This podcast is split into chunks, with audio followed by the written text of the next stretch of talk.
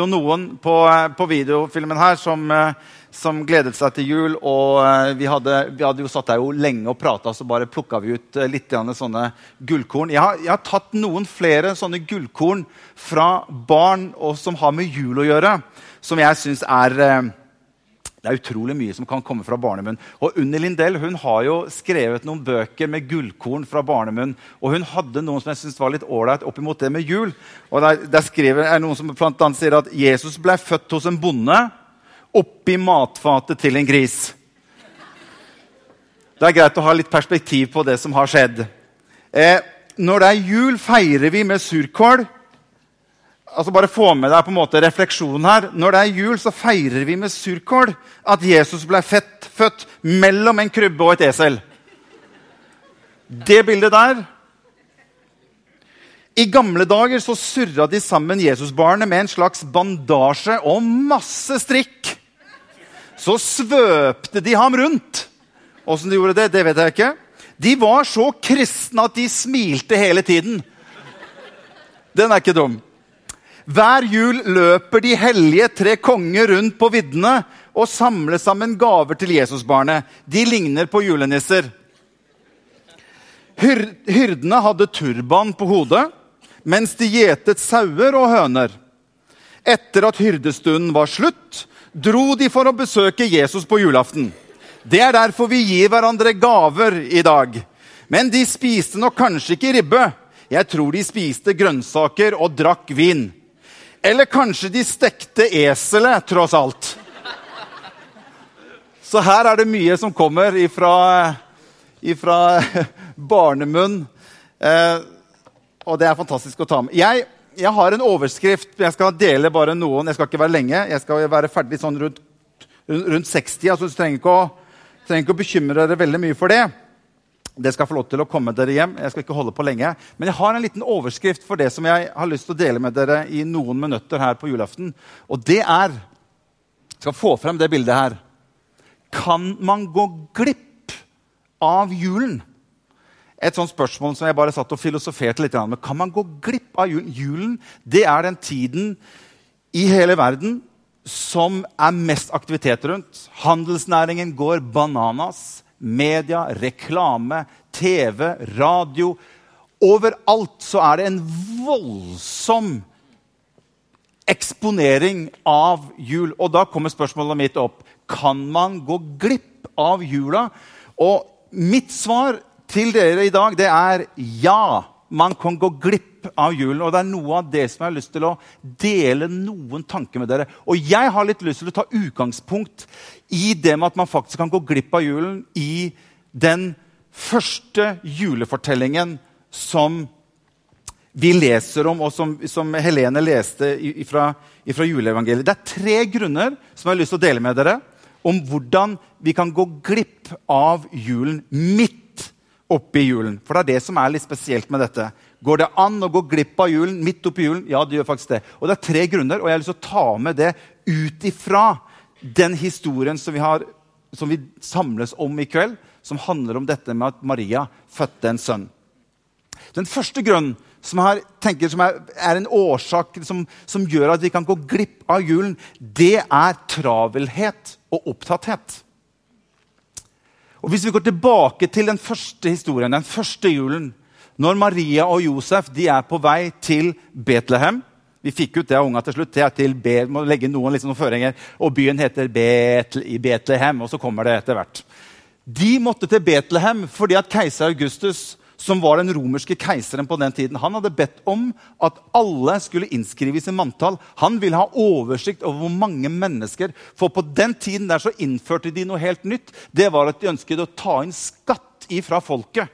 Så de skulle ta inn skatt fra de forskjellige kommunene eller byene rundt omkring. Og så skulle hver enkelt betale inn skatt til det romerske riket. Og han ville vite hvor mange mennesker er det som det er mulig å hente skatt ifra. Og derfor så gikk det ut beskjed om at alle måtte gå tilbake til den byen de kom ifra. Og i og med at Josef bodde i Nasaret, men hans hjemby var Betlehem, så måtte han returnere til Betlehem for å innskrives i manntall. Ordet manntall det er samme som type folketelling. altså Du registrerer inn navnet ditt. Du blir innregistrert. Det er å bli, si, dette som har med manntall å gjøre. Så Maria og Josef de måtte tilbake til Betlehem. Og i denne perioden her er det jo at Maria er gravid. Og hun kommer til den tiden hvor hun skal føde. Og de kommer til Betlehem. Og så skal de sjekke inn på et eller annet hotell i Betlehem. Og så kommer du på en måte til det som er litt poenget mitt i dette første punktet, her, som har med travelhet å gjøre. For det står at de gikk til et herberge, og der står det skriftsted i Lukas kapittel 2. som jeg vil dele med dere. Der står det at Maria For de prøvde å sjekke inn et sted, og så står det og hun fødte sin sønn, den førstefødte. Hun svøpte ham i lintøy og la ham i en krybbe. Og så står det siden det ikke var rom for dem i herberget. Og da tenker jeg jeg tenker på han der hotellbestyreren som kommer ut, og det banker på. Og Maria og Josef står på utsiden. Hun skal føde. Og han lukker opp døra og beklager. Du vet hva, Jeg har ikke tid til dette her. Det er helt fullt på hotellet her. Det er ikke sjans. Du skjønner, Businessen for denne hotellbestyreren den gikk jo så det grein. Alle de som bodde opprinnelig i Betlehem, de måtte tilbake. Så det var, her var jo big business for hotellbestyreren. Så han var jo så travel og så opptatt med hele livet sitt og alt det han holdt på med, at han hadde jo ikke noe bruk for en gravid kvinne som skulle føde et barn, som kommer og banker på døren. Han var jo bare glad til å bare kunne si vet du hva, beklager, folkens. Det er fullt, det er opptatt, jeg har ikke tid til å holde på. Dere må bare gå et annet sted. Og så poengterer de det, at det var fullt for dem i herberget. Og da er punkt nummer én Tenk deg det denne hotellbestyreren, dette mirakelet som var i ferd med å bli født. Rett under nesa på hotellbestyreren. Det største under av alle under kanskje opp gjennom tidene. Det var rett i nærheten av hotellbestyreren. Han var så opptatt i sitt eget liv at han fikk ikke med seg det underet som var rett foran. Hadde han kanskje visst, hadde han kanskje tenkt litt etter, så hadde han kanskje åpnet opp kanskje sitt eget rom. Selvfølgelig skal du få lov til å komme inn. Ta mitt rom. Tenk på den PR-verdien som hadde vært for den hotellbestyreren i ettertid. Guds sønn ble født på dette hotellet her. Og du kan få booke det rommet faktisk, hvor Guds sønn har blitt født. Han kunne ha fylt opp det hotellet sitt fram til i dag. Men han var så opptatt, denne mannen, at han gikk glipp av julen. Hvordan er det med deg og meg i livene våre? Kanskje er det sånn at vi blir så opptatt til slutt, og så travelt til slutt, at vi kanskje mister selve poenget og selve innholdet i det som egentlig er julens budskap. Det er punkt nummer én. Punkt nummer to. Da har jeg skrevet opp det er tradisjon eller vane. Du skjønner, Jeg er så vant Dette har vi jo vokst opp med. Vi er jo født på en måte i type kristent land, og vi har hørt om Maria og Josef. og Vi har sunget sangene, vi har lest, vi har hørt juleevangeliet hver jul siden jeg var liten gutt. Og vi er så vant med det. Vi kan det egentlig. Men likevel, når ting blir så vanlig, til slutt så blir vi kanskje julehusblind det, det, det, det, affekterer oss ikke lenger, for vi er så vant med det. Vi ser det ikke lenger, for vi har sett det så mye. Vi hører det ikke lenger, for vi har hørt det så mange ganger. Og så greier vi å gå glipp av innholdet. Dere husker de tre vise menn som skulle komme til, til som vi leser om i juleevangeliet. De tre vise menn, Det står at det kom tre vise menn fra Østen. står det. Og de skulle komme til Israel. De kommer til Jerusalem. Vi er litt sånn usikre på hvor de kom fra. Noen mener at de kom så langt fra som fra Kina eller India. Noen mener at de kommer fra Saudi-Arabia. Men det var lærde menn, det var menn som hadde kunnskap. Og de kommer til Jerusalem. Og så kommer de inn, og de er ganske sånn, hva skal jeg si, eh, menn som har høy rang. For de ber om å få et møte med kong Herodes, som er konge i Israel på den tiden. Så de, de vise menn, skal vi si de tre vise menn? Selv om det står liksom ikke akkurat at det er tre stykker av dem. da. Men så de vise menn, men vi kaller dem de tre vise menn. For det er jo tradisjonen vår. Det er som vi har alltid hørt det. Det er de tre vise menn. Så de kommer til og ber om et møte med Herodes. Og de kommer langt. Og de, de, de kommer, Herodes spør du, hva, hva er det dere er her for. Nei, du skjønner, Vi har sett og skjønt at et eller annet er på gang. Vi har, vi har, vi har sett noe i himmelen som gjør at vi mener at det skal bli født en frelser, en konge, her et eller annet sted i Israel. Og Herodes han begynner å bli litt sånn Hva, hva er det dere prater om? Hva, hva, er dette her for noe? Jeg skal komme litt tilbake til Herodes etterpå. Men det står at Herodes samme natt, står det, han kalte inn alle de som hadde peiling på Skriften. Alle de lærde, de skriftlærde fariseerne og prestene. Det kalte han inn står det, i hemmelighet for å spørre de Du, jeg hadde noen folk som kommer langveisfra, som, som, som mener at noe skal skje her. Eh, hva, hva er det de prater om? Og de skriftlærde, de, de, de, teologene, de som kom inn der, ja, de hadde jo peiling på det. Se hva som står, For de forklarer jo med, med en gang i Matteus kapittel 2. Det står det, Da han hadde samlet alle øversteprestene og de skriftlærde i folket, så spurte han dem hvor Kristus skulle bli født. Dette er Herodes som spør. Da sa de til ham, ja, men det vet vi. Ja, ja, ja. I Betlehem, i Judea.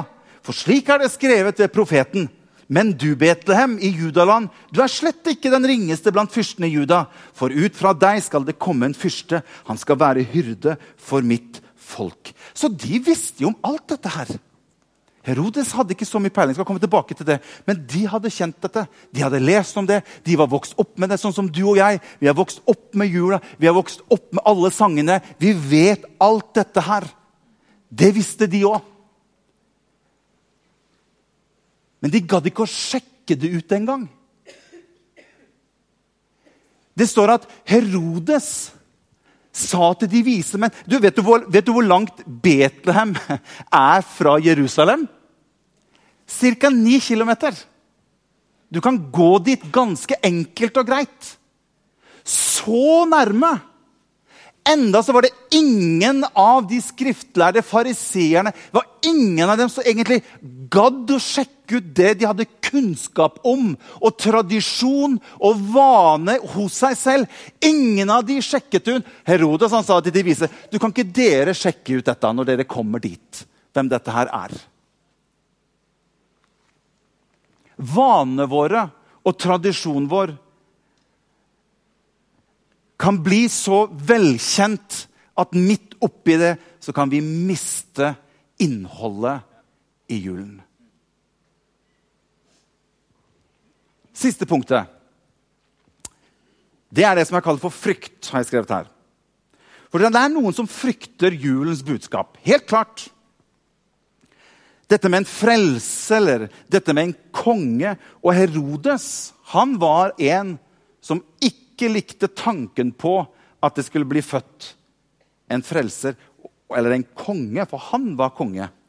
Herodes Hvis du leser litt historie rundt Herodes Herodes han var romersk statsborger.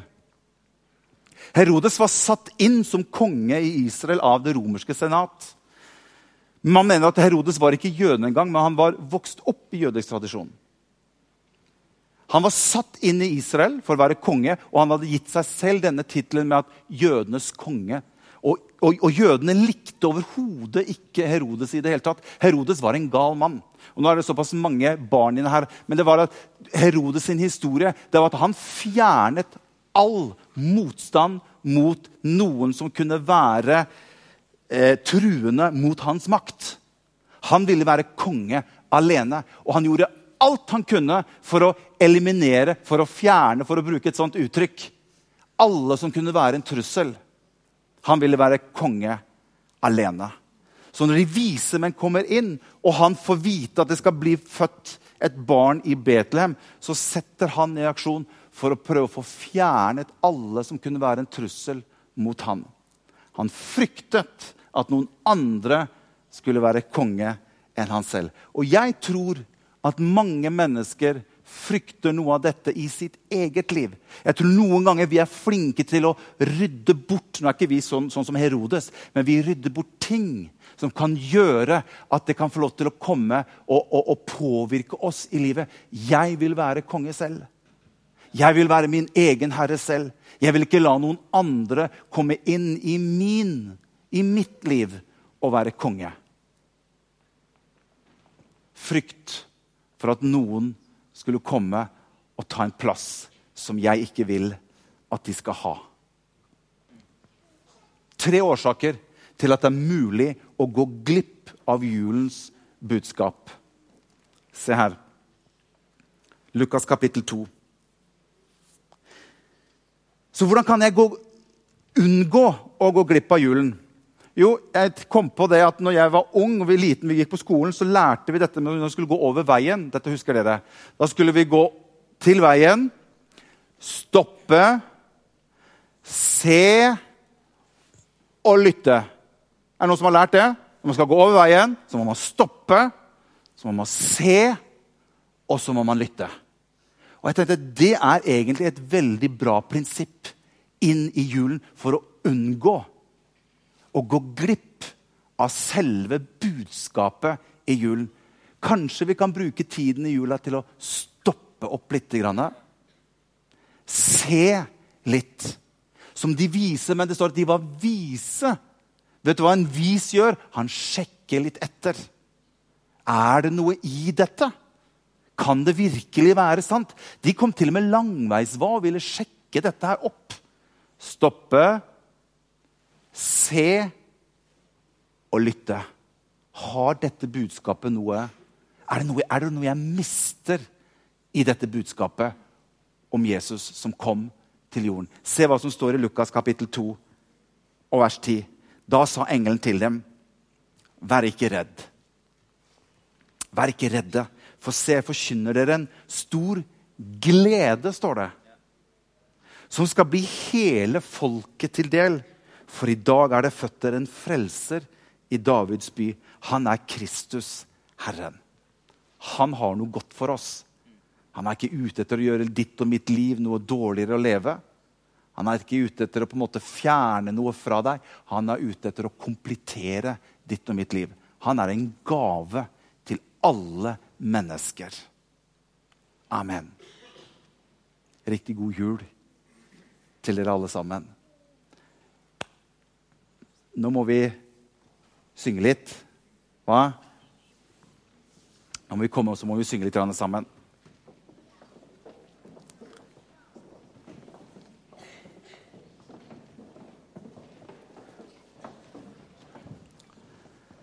Vi må synge den Jeg tror vi skal reise oss opp, alle sammen. Hei? Vent litt, du. Oh, ja. vi, kan, vi, kan, reise oss. Ja, vi kan reise oss.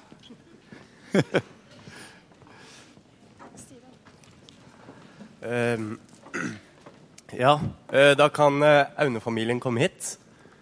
Alle sammen. Alle Aune? Eller Alle. hele tjukke slekta?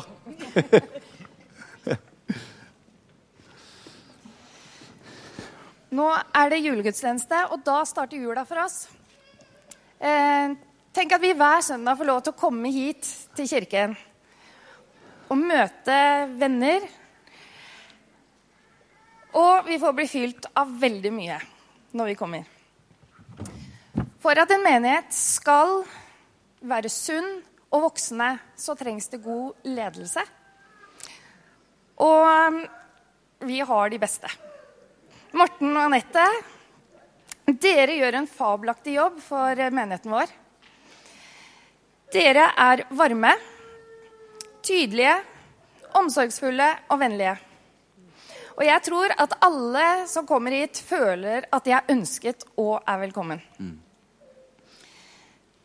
I tillegg så er dere veldig gode rollemodeller. Dere viser at det er en sammenheng mellom tro og livet. Så er det de unge. De er også viktige. Og nå er det ikke bare i mor og far